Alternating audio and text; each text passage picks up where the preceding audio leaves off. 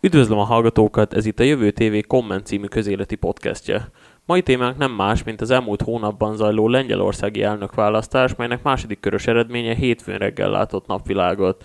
Ez szerint a jelenlegi is regnáló Andrei Duda nyerte a választásokat, épp mint az első fordulóban, ám mindössze 2%-os volt a különbség közte, és a polgári platform ellenzéki jelöltje Rafael Traskowski között, aki Varsó főpolgármestere is egyben. A témát ma meghívott vendégünkkel, Stír Gábor, köz, külpolitikai újságíróval, a Moszkva tér alapító főszerkesztőjével, a Demokrata és a Magyar Hang heti lapok külpolitikai szakújságírójával fogjuk kibeszélni. Jó napot kívánok, üdvözlöm a műsorban. Jó napot kívánok.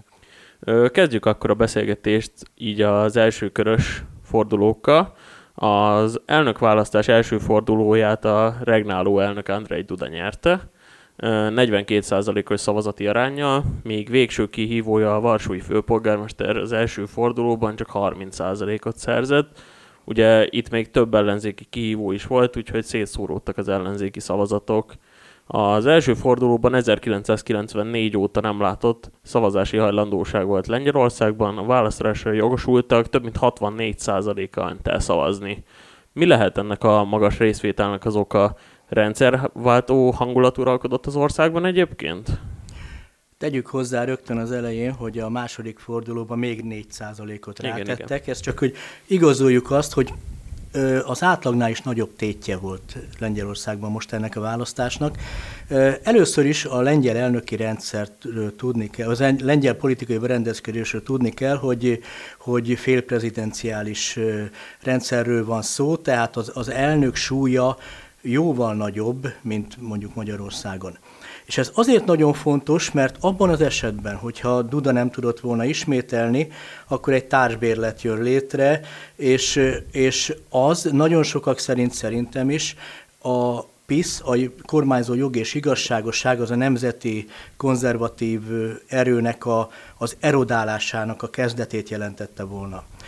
Azon kívül különösen így a, a, a koronajárvány időszakban, gazdasági válság előtt, közben egy fokozott belpolitikai instabilitást eredményezett volna.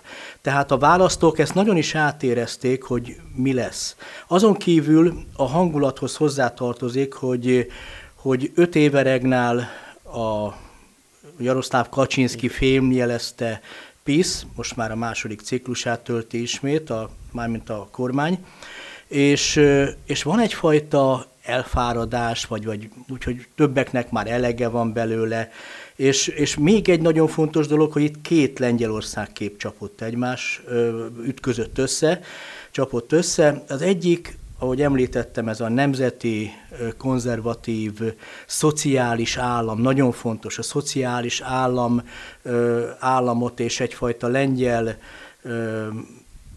önérzetet erősítő megközelítés, míg a másik egy a jobb középről, tehát a polgári platform, ez a főellenzéki erő, és neki volt a jelöltje Rafal Csaszkowski, Csaszkowski, és a, ők pedig ez a jobb középről most már egyre inkább liberális irányba, vagy liberális oldalra tolódó megközelítés, tehát ez egy, ez egy nem a, a családokra, hanem a, a, ha ideológiai, vagy ezeket a dolgokat nézzük, akkor a, a másságra, a, az LMBTQ közösségeknek a, a jövőjére egy, egy erős zöld programmal rendelkező párt, tehát egy, egy klasszikus, liberális, globalista program, tehát és Lengyelország nagyjából megosztott ebben a tekintetben, más tekintetben is, gondolom ez még előkerül. Igen.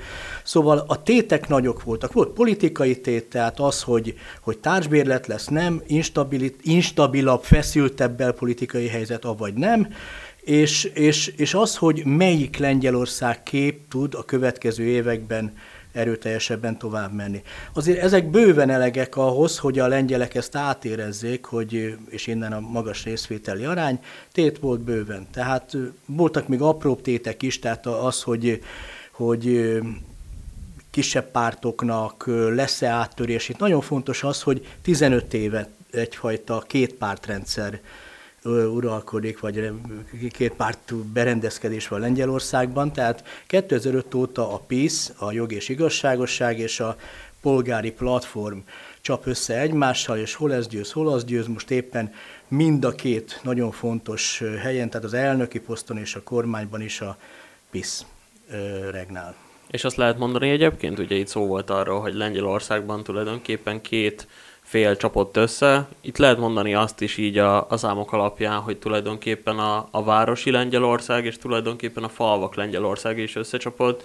Ugye a, a falvakban a, a kevésbé iskolázottak körében leginkább a PISZ a, a népszerű párt, míg a, míg a városi urbánus polgárság körében pedig inkább a polgári platform. Lengyelország rendkívüli módon megosztott. Hát ebben nagyon hasonlít Magyarországra a jelenlegi Magyarországra.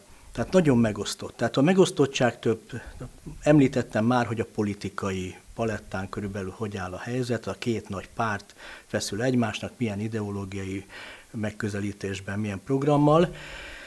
Ezen kívül, hogyha nézzük, akkor, amit itt, itt már elhangzott, van egy, van egy földrajzi, egy szociológiai és egy demográfiai törésvonal, nagyon mély törésvonal Lengyelországban. Kezdjük a földrajzival. Ha az eredményeket nézzük, itt most már második forduló eredményeit mondom inkább. Igen. Tehát a hét keleti vajdaságban Duda győzött, a többi a közép és nyugat ti vajdaságokban pedig Csaszkowski. Tehát ez egy hagyományos, régi földrajzi megosztott, megosztottság, a keleti tartomány, kelet nem tartományok, vajdaságok. A keleti vajdaságok, ez a, a klasszikus, hagyományos Lengyelország, ugye ott tolták ide-oda a második világháború után, tehát ez a, ha úgy tetszik, a mély Lengyelország, a hagyományos tradícióikat, kicsit elmaradottabb, mint a nyugati rész, tehát ott németesebb, erősebb a ném, nem csak a múlt miatt, hanem a, a mostani, tehát a, a német határ közelsége, más a, a, a, a, a kulturális, gazdasági, szociális fejlődés, tehát földrajzi értelemben ez. Hogyha szoci, szociográfiai értelemben nézzük ezt a, a megosztott törésvonalakat, a megosztottságot, akkor igen, itt van a, a vidék és a város, a vidék és Varsó, kezdjük azzal, és Igen. itt ez azért érdemes kiemelni, mert Csaszkowskinak ez egy hátránya volt, nem csak a falvakkal szemben, hanem a, a kisvárosokkal szemben is. Varsóra úgy néznek Lengyelországban, mint Magyarországon Budapestre, mondjuk vidékről nézve. Tehát a törésvonal a határ itt nagyjából az 50 ezer fős városoknál húzódott meg.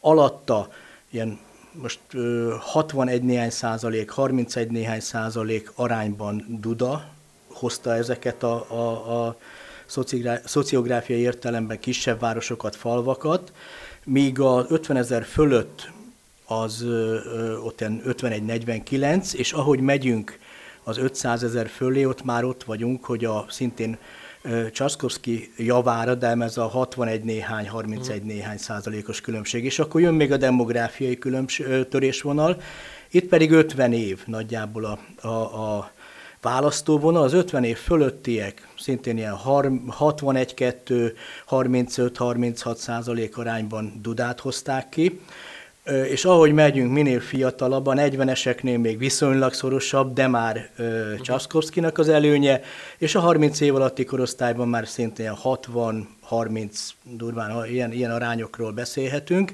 Tehát ez a három törésvonal, plusz még a politikai, amit persze az egészet megjeleníti és megerősíti, ez, ez eredményezte azt, hogy ilyen kiélezett küzdelem sikeredett, mert mert régen volt ennyire szoros Lengyelországban a, az elnöki posztérfolyó küzdelem, tehát rendkívül izgalmas volt, de ez nem jó Lengyelországnak véleményesen, senkinek nem jó, hogyha egy, egy, egy ország ilyen mértékben megosztott, és ezen nagy kérdés, hogy Andrzej Duda tud-e majd minden lengyel elnöke lenni, tehát valamelyest tompítani ezeken a megosztottságokon. És egyébként a médiának mekkora befolyása lehetett erre? Ugye hasonló mintákat lehet kivenni például Lengyelországban is, mint Magyarországon, hogy a közmédia az mondhatni, hogy inkább a kormánypártok fele húz. Ez mennyire hathatott egyébként például a, a vidék Lengyelországára? Mind a kettő Lengyelországra hatott a média, Igen. tehát a vidék Lengyelországára a köz... A városokba talán jobban el tud jutni, akár, a, akár még a kampányüzenete az ellenzéknek a, talán. Így van, de a közmédia az egyértelműen és durván Duda mellett kampányolt, a TVP például, és a magánmédia, vagy pedig azért el, szint has, kulturáltabban, de hasonlóan elfogultan Csaszkowski mellett. Tehát én, én nem emelném ki azt, hogy az egyik az brutálisan hm. durva volt, még a másik az nagyon tiszta. Nem véletlen az, hogy, hogy nem jött össze végül is a, a, a politik, a két, két jelöltnek az összecsapása, mert az mindenki a saját, mind a ketten a saját terepükön akartak megmér, megmérettetni, és az egyik sem teljes joggal, egyik sem akart elmenni a másik ö, hazai pályájára, így, így, aztán, így aztán nem sikerülhetett. Ez, ez sajnos nagyon-nagyon-nagyon emlékeztet a magyar viszonyokra. Tehát én, azt mondom, hogy a média ilyen tekintetben ö, kiegyenlített volt, mert a, inkább megerősítette azokat a a szimpátiákat, amik amúgy is megvannak a társadalomban. Tehát a vidéki vagy a falvak Lengyelországa a köztévé nélkül is Duda mellett lett volna azért, maximum a mozgósításban, ami egyikben nem utolsó, volt nagyon nagy jelentősége, még a nagyvárosok, nagyvárosi társadalmak azok az ellenzéki lapok nélkül is, vagy az ellenzéki tévék nélkül is Csaszkowski mellett voltak alapvetően. Itt az első fordulóban több szereplő is részt vett nyilván, mint a második fordulóban, és mondhatni, vagy itt a média már felfújta ezt is, hogy nagyon-nagyon nagy döntő százalék volt például a szélső jobboldali jelöltnél is, tulajdonképpen, hogy kifele húz majd, inkább Csapszkowski fele, vagy inkább Duda fele. Ezek a, ezek a nem feltétlen komoly jelöltek, olyan értelemben, hogy nem ők jutottak be a második fordulóba, most csak ilyen értelemben értettem, uh-huh. hogy ők mennyire lehettek egyébként a mérlegnyelve, például a szélső jobboldali jelölt, vagy például ott volt a uh, Simon Holovnya, aki például egy tévészemélységként jutott el az elnök jelöltségig.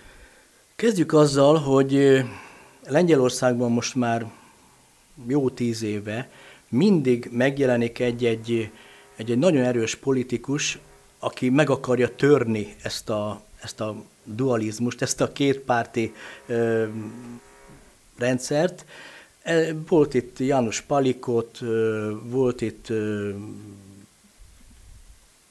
cookies, tehát különböző ilyen, ilyen alternatív személyiségekről van szó, és most elsősorban itt ezt a tábort, ami most már azért közelít a társadalom egyharmadához, tehát ezt a tábort most Simon Holovnya próbálta maga mögé, maga, maga mögé tudni, maga mögött tudni. Valami azért kevesebbet ért el, mint mondjuk Cookies korábban a 21 kal itt pedig 13,8% az első fordulóban. Ugyanakkor nagyon fontos az, hogy van egy meghatározott, most nem kicsi szegmense a társadalomnak, amelynek elege van már abból, hogy ez a két nagy párt itt nyúzzal öli egymást. Tehát ö, én itt nem a, a, a boszákot emelném ki, akiről itt emlé, a kérdésben szó volt, és, és nem gondolom azt, hogy én nem szélső jobboldalinak, hanem egy radikális, nemzeti, libertáriánus, tehát nagyon összetett ez az egész mhm. párt, a konfederácia, és egyébként 6,7%-ról van szó, míg a, a Holovnyánál 13,8-ról. A kettő olyan szempontból tevődik össze, hogy mind a kettő személyre jelöltre szavazók mind a két párttal elégedetlenek voltak, tehát ergo mind a két jelöltel, tehát kisebbik rosszként szavaztak erre vagy arra. Nagyon nagy tanulság, hogy ez akár Magyarországra vonatkozóan is, hogy, hogy a, mondjuk a második fordulóban az ellenzék az ellenzéki, úgymond ellenzéki jelöltek nem adódnak össze, tehát a táborok, mert hiába szólított föl arra Holovnya, hogy, hogy Csaszkowskira szavazzanak a, a választói. Azért, ahogy én olvastam, nagyjából maximum 80 százalék 80% körül szavaztak rá, Boszáknál még kevesebben, ott ilyen 50 százalék körül volt a Duda ellen. De a legfontosabb ebben az, hogy, hogy ezeknek az embereknek, akik az első fordulóban erre a két jelöltre szavaztak, így vagy úgy, két különb, teljesen különböző ö, hozzáállású táborról, jelöltről van szó, politikusról van szó, ezeknek nem a rendszer ellen szavaznak, hanem az, az, az ilyen rendszer ellen, tehát az, hogy két párt szinte kisajátítja a politikai palettát, és egyfajta frissülést szeretnének már, megújulást a lengyel politikában. Ezek a, az erők, tehát Palikottól ö, ö, Kukizig, általában odáig jutnak, hogy valamilyen pártba betagozódtak végül. Most is a, most a, például Holovnyát szeretné lenyelni a, a PO, Holovnya pedig a PO-t. Szóval ezek még a jövő tekintetben nagyon érdekes meccsek lesznek, de egyelőre ez nagy tanulság, hogy a két nagy erő szembeni elégedetlenség nő, de áttörés nem sikerült továbbra sem elérni, és, és marad ez a megosztottság, ez a kétpártiság egyelőre mindenképpen. Hogy a kérdésre visszatérjek, az viszont nagyon fontos volt, hogy ezek, tehát a kiesett jelölteknek a, a szavazói kikre fognak szavazni, Azért Dudának volt egy erős 10%-os előnye, nem tudott annyit hozni, nem tudott annyit hozni Csaszkowski, hogy, hogy ezekből összeszedje, már csak azért sem, tehát az, hogy ledolgozza a hátrányt, már csak azért sem, mert itt ne feledkezzünk meg két olyan erőről, itt Robert Biedronról és Kosinyák Kamisről, a parasztpárt vezetőjéről, akik, akiknek azért az első fordulóban ilyen 2% körül szereztek, jóval többet ígért a, a sors valamikor még, még pár hónappal ezelőtt. Tehát az ő táborukat lényegében már az ellenzéki Csaszkowski lenyelte. Uh-huh. Tehát azt mondták sokan, hogy jóval nagyobb tartalékai vannak, igen, formálisan igen, de nem igaz, hogy egy az egyben, aki, aki kiesett, az mind oda megy, és nem Dudára szavaz. Tehát ez így nem működött, ráadásul nagyon sokat már az első fordulóban hozott, és így is 10, jó 10%-os volt a különbség. És akkor nézzük is meg a második fordulót, hogy így hogy alakult egyébként a végeredmény. Itt is megmaradt ugye, amit beszéltünk, a rendkívül magas szavazati hajlandóság, ugye itt már 69 százalék, még följebb 68,12, tehát hogy majdnem négyet rátettek még, ami szinte elképzelhetetlen volt számomra, hogy még azt lehet fokozni, de igen. Igen, és ugye itt az exit pollok is, a közvéleménykutatások is nagyon fejfej melletti küzdelmet rajzoltak ki, amíg én olvastam, az nagyjából ilyen este 11 óráig nagyjából tényleg fejfej mellett haladtak, fél egy százalékos különbségeket mértek nagyjából, viszont a Csavskovski népszerű az ellenzéki szavazók körében, mégis félmillió szavazattal elmaradt Dudától. Ez annak tudható be igazából, hogy nem tudott elég szavazatot elhozni a, a már nem a, azoktól a pártoktól, akik már nem jutottak be a második fordulóba, vagy inkább az hozott ki valamennyi, valamiféle ellenvetést a szavazóknál, hogy ugye itt a, a polgári platform alapvetően nem a, a liberális irányt képviselte, hanem so, sokkal inkább egy, egy, egy jobb közép irányzatot, amit egy kicsit megváltoztatott Császkowskinak a jelölése, úgy, hogy eredetileg nem is ő volt a, a pártnak az elnök jelöltje. Én egy kicsit messzebbről kezdenék. Csaszkowski szereplése kimondott, hatalmas siker. Hatalmas siker, mert előtte a párt jelöltje májusban, ugye május 10-én lettek volna a, a eredeti tervek szerint a választások. Végül már ott tartottak, hogy a Szejmal elnök asszony, hogy volt a jelölt, tehát ott tartottak, hogy, hogy inkább a bolykótra hívott föl, mert már Holovnya is megelőzte, tehát nem ő uh-huh. volt a második sem, és, és akkor olyan pár, kettő-négy százalékra mérték a népszerűségét. Tehát nagyon jól jött, jó húzás volt Csaszkowski, tehát a váltás, tehát az, hogy lecserélték a jelöltet, ez, ez, ez egyértelműen bejött, de Tudomásul kell venni, hogy a, az utóbbi egy-két évben önmagához képest padlón lévő PO, tehát polgári platformnál jobban szerepelt Csaszkowski.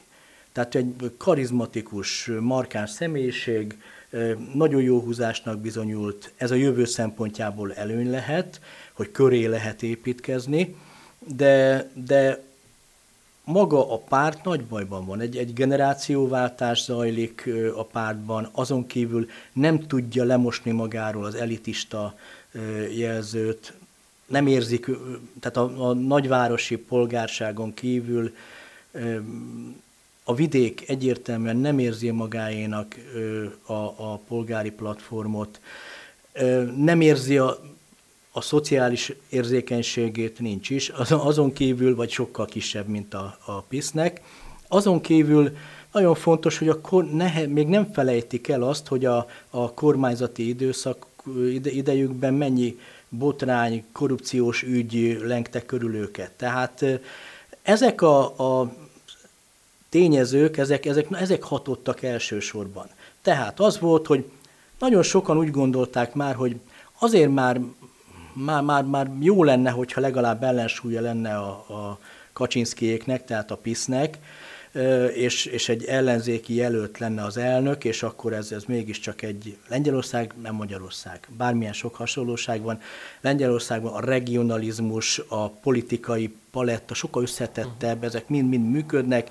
Tehát erre volt egyfajta nagyon határozott igény. No de, másik oldalon ott volt az, hogy, hogy no de ők jönnek vissza? Vajon megújultak? Vajon ugyanaz történik, amiért elzavartuk őket? Szóval ezért nem, tudta, nem tudott ő még annyi plusz jelöltet behozni. Az előbb a kérdésben föltett dolgok az, hogy, hogy mennyit tudott volna innen-onnan a kiesettek közül hozni. Ez egy mate, választási matematika, de én szerintem ez fontosabb, hogy nem volt olyan, nincs olyan meggyőző ereje még a, a lengyel társadalomban a polgári platformnak, hogy újra átütő sikert tudjon aratni, mint korábban a 2000-es évek közepén. Tehát az emberek mind gondolkodtak? Egyrészt az, hogy egyik se túl jó, tehát akik, akik bizonytalanak voltak, én arra gondolok, de most akkor inkább maradjon, többségében inkább ez döntött, hogy maradjon a stab, amúgy is nehéz idők jönnek. Én úgy gondolom, hogy ez volt a legfontosabb, és még egy, amit említettem még a beszélgetés elején, a szociális érzékenység. Tehát az, amit az elmúlt öt évben a, a PISZ, a jog és igazságosság szociális értelemben tett a lengyel társadalommal, tehát egyrészt arra alapozva, hogy egy, egy stabil, a válságok közepette és stabil gazdasági növekedés mellett, vagy arra alapozva, olyan szociális programok, lakásépítési, az 500 plusz családsegítési program, amelyel a lengyel családoknak különösen a, a lecsúszottabb, nehezebb helyzetben lévő családoknak, de egyébként a középosztálynak is. Tehát olyan segítség egy, egy, egy magyar minimál bérnyi, mondjuk egy három, családos gyere, három gyerekes családnak egy magyar minimál bérnyi segítséget jelent ez. Ez abszolút nem elhanyagolható. A lengyel vidék élete szemmel láthatóan megjavult. Ez a vásárlóerőt megnövelte, a gazdaságot föntartja, tehát mozgásban tartja. És nem véletlen az, hogy ezt a, ezt a programot a konfederácián kívül senki nem merte bántani, mindenki hogy megtartjuk, megtartjuk, mert az lett volna az első csapás arra a jelöltre, hogy hogy aki, aki ezt el akarja tüntetni, most a, a libertariánusok az egy külön tészta, tehát az más. De, de az, ez nagyon fontos, tehát egy ilyen öt éves kormányzással, amit nem lehet azt mondani, hogy rossz, gazdasági, szociális értelemben. Uh-huh. Az, hogy a demokrácia sérült, meg az a lengyeleket, a, mondjuk a, igen, középosztályt, az értelmiséget, a nagyvárosokat sokkal jobban érinti, érzékenyen érinti. A társadalomnak a másik szegmensét, a, a mondjuk ki szegényebbeket, sokkal jobban érdekli az, hogy, hogy, hogy mennyivel nagyobb a szociális biztonság, ami jóval nagyobb, érzékelhetően nagyobb, rend van, mint az, hogy, hogy mi történik a bíróságokkal, és mondjuk a médiával, meg a demokratikus jogokkal, meg hogy a, az EU mit mond most ezzel, ezzel kapcsolatban. Szóval ezek, ezeket meg kell érteni. Tehát az egyik legnagyobb problémája nem csak Lengyelországban a, az ellenzéki liberális vagy liberális liber, liberalizmus felé hajló pártoknak, hogy nem nagyon értik a vidéket. Uh-huh. Nem nagyon értik a, a társadalomnak egy nagyon nagy szegmensét, hogy nekik mások a fő kihívásaik, prioritásaik és problémáik. És ezt Kaczynszkék, majd hogy azt mondtam, hogy tökéletesen, de nagyon jól megoldották. És ugye itt az ellenzék, a lengyel ellenzéknek az lehetett egyébként problémája, hogy ugye itt szó volt arra, hogy nem, nem akarták támadni, és nem is támadták nagyon a programját a PISZ-nek. Lehetett az a probléma, hogy itt inkább a kormány ellenességre, mint egy valódi jövő képre alapozták a kampányokat? Igen, ez a, ez, a, ez a másik, és ez megint csak nem csak lengyel sajátosság, tehát azzal nem lehet még nyerni, hogyha nem hibázik nagyokat a kormányzó párt, hogy, hogy ezek nem demokratikusak, menjenek, és elegünk van belőle, meg illiberális, meg, meg, meg, meg diktatúra. Igen, persze van, van egy elégedetlenség a, a társadalomban, a lengyel társadalomban ezzel kapcsolatban, de az nem nagyon látszott. Egyébként Csaszkowski személyében látszott valami, ő neki volt, már kezdett kirajzolódni valamiféle más Lengyelország, egy zöld program, amellett ez a, a hát most van, akinek tetszik, van, akinek nem, de, de hogy a, a mássággal szemben sokkal megértőbb. De mindegy, ez egy, ez, egy, ez egy valamiféle programként nézett ki, de általában például a PO-nak úgy, hogy van, nincs programja. Az van, hogy a takarodjon a pisz.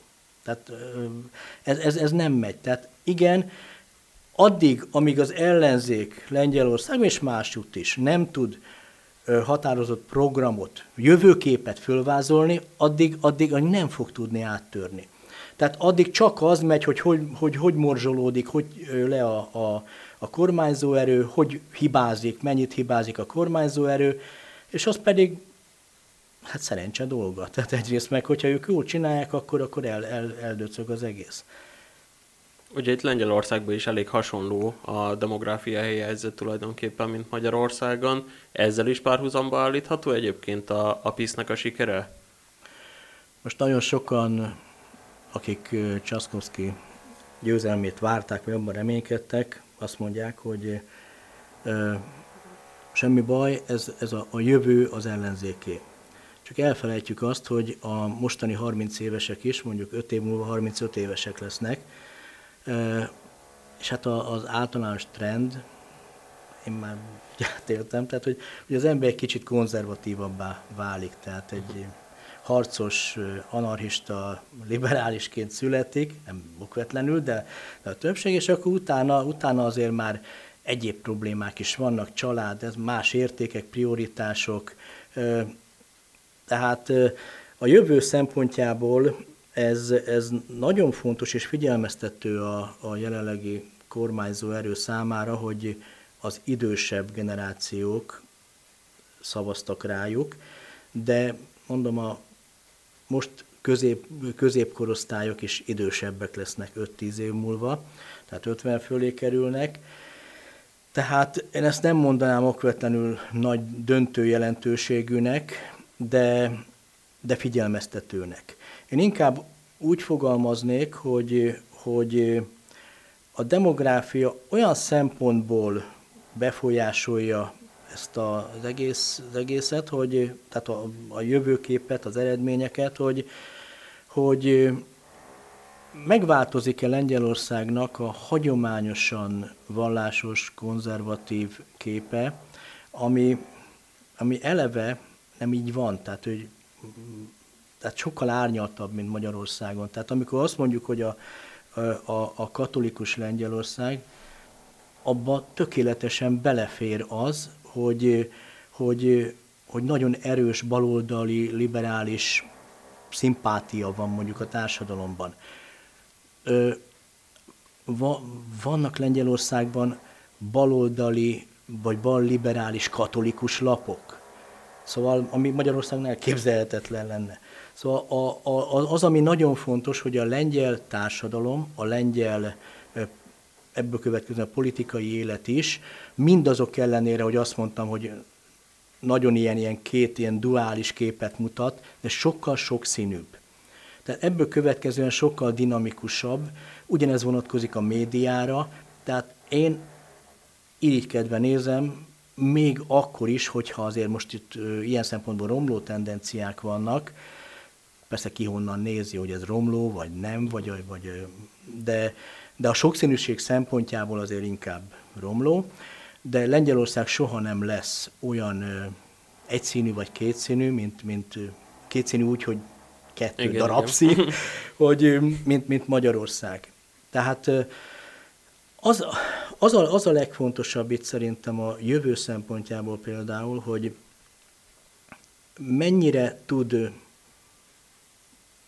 egy kicsit visszafogni, legalább egy kicsit visszafogni Kaczynski, tehát, hogy abszolutizálva végigviszi-e az illiberális állam fölépítését, avagy, avagy tud azért mértéket, határt szabni önmagának, mert hogyha nem, akkor, akkor érezhető a társadalomban, hogy egyfajta elégedetlenség, ez az ellenzék malmára fogja hajtani a vizet, a másik pedig az, ami nagyon fontos lesz, mi lesz most, és ez minden országra, az egész világra jellemző, itt választásokat határoz meg a jövőben, a következő két-három évben szerintem továbbra is.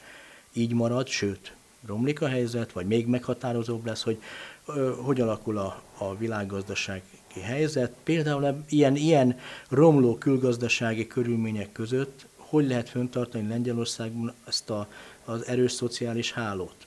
Mert abban a pillanatban, hogyha ez gyengül, és lehet, hogy nem tehet róla a kormány, mert egyszerűen olyan világválság lesz, de, de az embereket ez nem fogja érdekelni, hanem az, hogy, hogy idáig ezt kaptuk, most pedig ez nem, hogy nem nőtt, hanem esetleg csökken. Tehát ez, ez nem okvetlenül a, a kormány malmára hajtja a vizet, a stílusán egyértelműen javítani kéne.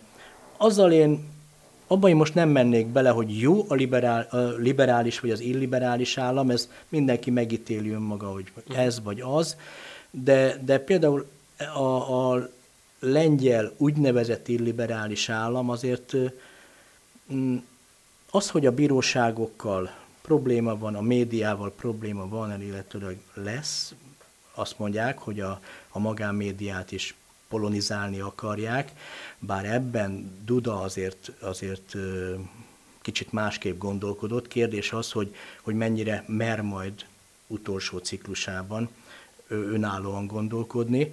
Ugyanígy az önkormányzatiságra is sokan attól félnek, hogy, hogy az is csord, még csorbulni fog, de e tekintetben is Duda már, Dudán, Dudának már volt vétója. Tehát az ellensúlyok Lengyelországban még a nemzeti ö, konzervatív oldalon belül is egy kicsit jobbak, mint mondjuk hát most összehasonlítva Magyarországgal.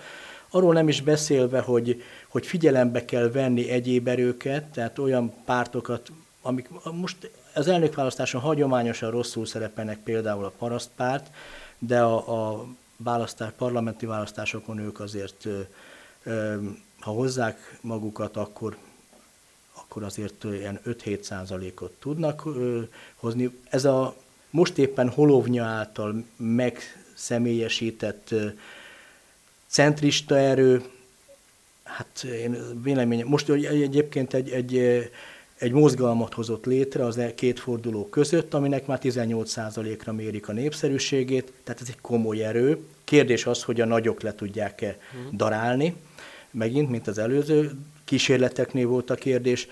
És, és hát ott van még a konfederáció is egy ilyen 6-7 százalékkal, tehát itt Lengyelország sokkal, sokkal összetettebb, azért ott, ott, ott jobban kell játszani Kaczynszkinak is, hogy, hogy meglegyen az 50 százaléka, ott azért kétharmadról nem nagyon álmodozhat. Pont erre akartam egyébként rákérdezni, de erre nagyjából meg is jött a válasz, hogy nagyjából milyen jövő állhat Lengyelország előtt így a választás után, de akkor inkább azt, azt kérdezném, hogy a, a hasonló politikai közeggel rendelkező országok, mint Lengyelország, gondolok itt olyanokra, ahol például illiberalizmus felé kacsingató kormányok vannak hatalmon, ez a választás, ebből a választásból milyen konzekvenciákat vonhat le bármelyik ellenzék? Részben már utaltam erre, hogy Lengyelországban például nem működik, vagy nem működött klasszikus, százszázalékosan ad ellenzéki összefogás. Tehát a pártoknak önmagukban is meg kell tudni mérettetniük magukat. Ez az egyik. És, és nem lehet matematikailag összeadni a, a szavazó táborokat, mert, mert nem lehet. Szóval hm. egészséges társadalmagú demokráciákban nem lehet. Ez az egyik tanulság. A másik pedig az, ami nagyon fontos, és szintén elhangzott azért, hogy, hogy program nélkül, határozott jövőkép nélkül nem megy. Tehát ez nagyon fontos tanulság, hogy, hogy, hogy az nem elég, hogy Kaczynski, Orbán, vagy nem tudom ki takarodj. Ez nem elég. Tehát az, az emberek azért, azért ennél sokkal okosabbak, a választók, tehát azokra nem fognak olyan mértékben szavazni, tehát nem, nem annyira vonzóak, hogyha nem látjuk, hogy mit akar, milyen jövőképet akar. A másik pedig az, hogy kormányzó képességet kell mutatni. Tehát így nagyjából ez a három legfontosabb dolgot tudnám fölvázolni, és itt például Lengyelországnál azért mégiscsak az, hogy, hogy a jövő szempontjából vannak itt kérdések, például az, hogy többen mondják, hogy előrehozott választások is, parlamenti választások is lehetnek, már csak azért is, mert a, sokan csak úgy gondolják, hogy a PISZ kormányoz, de itt egy jobboldali egyesülésről, vagy egyesült jobboldalról van szó. Itt van két kis párt is, és különösen az egyik miatt csúszott a választás. Itt mhm. Govin, az ő pártnak a vezetője, őt, nem lepődnék meg, hogyha Kaczynski bosszúból kigolyózná a koalícióból. Ez az egyik, tehát az, hogy hogyan tudja továbbvinni a, a PISZ a koalíciót, mennyire tud újraépítkezni, és hogyan építkezik újra a, a, a polgári platform. És a harmadik pedig az, hogy, hogy Duda mennyire fog tudni, vagy akar kilépni Kaczynszki árnyékából, tehát mennyire lesz, vagy milyen mértékben tud lenni az egész Lengyelország elnöke, és itt ez nagyon fontos, hogy már a választások éjszakáján ö, gesztust tett az ellenfele, kihívója felé, tehát ö, én, én, nekem van egy olyan érzésem, ezt egyelőre még nem lehet tudni, de van egy olyan érzésem, hogy mivel utolsó ciklusa lesz, egy, egy kicsit önállóbban fog tudni hmm. politizálni Duda is, ami megint csak a, a lengyel politikai paletta sokszínűségét fogja erősíteni, az ellensúlyokat fogja akár egy, az egyik oldalon belül erősíteni, azt ne várjuk, hogy szembe fog menni Kaczynszkival, de, de, de például mondjuk, ha az önkormányzatiságot a kormány vissza akarná szorítani, akkor, vagy akár a médiát, ott el tudok képzelni vétót. Szóval itt még nagyon érdekes időszak előtt állunk, a legközelebbi megméretés 2023-ban lesz a parlamenti választások, addig csak akkor, hogyha ha Kaczynszki úgy gondolja, véleményem szerint.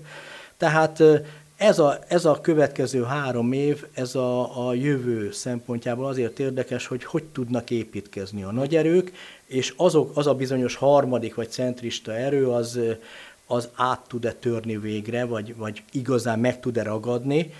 Tehát idáig az, az bizonyosodott be, ha már ilyen általános közép-európai tanulságokat akarunk levonni, hogy a harmadik erő nincs, de Lengyelországban látok azért esélyt, épp az elmondottak alapján, hogy ez egy sokszínűbb, sokkal rétegeltebb társadalom, hogy, hogy akár itt is, ha nem is áttörés, de, de az, hogy, hogy holovnya mozgalma, ami majd pártá uh-huh. fog alakulni valószínűleg, tehát az, hogy meg tudjon ragadni.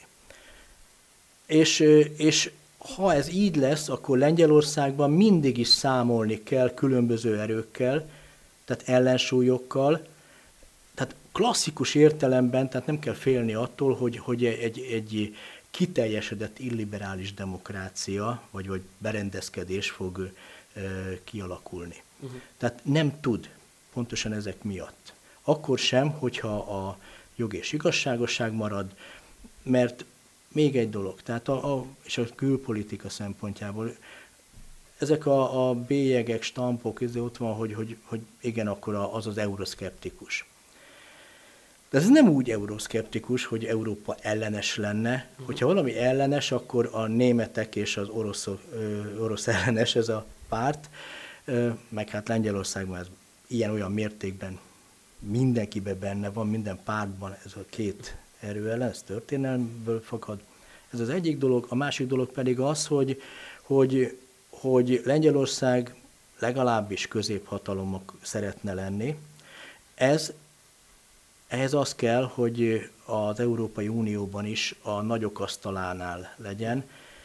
Olyan, tehát Európa ellenes épp ezért egyik párt sem lesz. Tehát az, hogy azt, amit mi itt euro, euroszkepticizmusként határozunk meg, az nem Európa ellenesség, hanem más fajta Európában gondolkodik, mint mondjuk Tuskék, vagy a, a polgári platform, de nem Európa ellenes. Tehát azért mondom, ezek a leegyszerűsítések máshol sem, de ott aztán még kevésbé ö, működnek és érvényesek. Tehát én úgy gondolom, hogy, hogy e tekintetben nem lesz változás például a külpolitikában, Lesznek súrlódások az Európai Unióban, de már csak azért is lesznek, mert az Európai Unió felől is, a politikai rész felől, tehát a, elsősorban a parlament felől, azért, azért nyomás alá fogják helyezni továbbra is Kaczynszkékat, mint ahogy Orbán Viktort is nyomás alá helyezik. Tehát ugyanakkor ez otthon nem okvetlenül a, a mondjuk a PISZ-nek a, a hátrányára válik, mert, mert, mert sokkal inkább összekovácsolja magát a szavazótábort. Tehát én úgy gondolom, hogy, hogy a következő három évben nagy mozgások várhatók, de, a, de alapvetően a politikai fölállás nem fog megváltozni még Lengyelországban. Az, hogy mi lesz 2023-ra, hát a mostani eredményekből ítélve nagyon kemény csata várható akkor is, hanem korábban. Stír Gábornak nagyon szépen köszönöm, hogy itt volt nálunk, és köszönöm. nektek is köszönöm hallgatóknak, hogy hallgattatok minket, kövessetek minket Facebookon, Instagramon, hallgassatok minket Spotify-on, és hát amikor lesz egy újabb fontos európai vagy akár világpolitikai történés, akkor újra jelentkezni fogunk itt a Comment Podcast-tel. Sziasztok!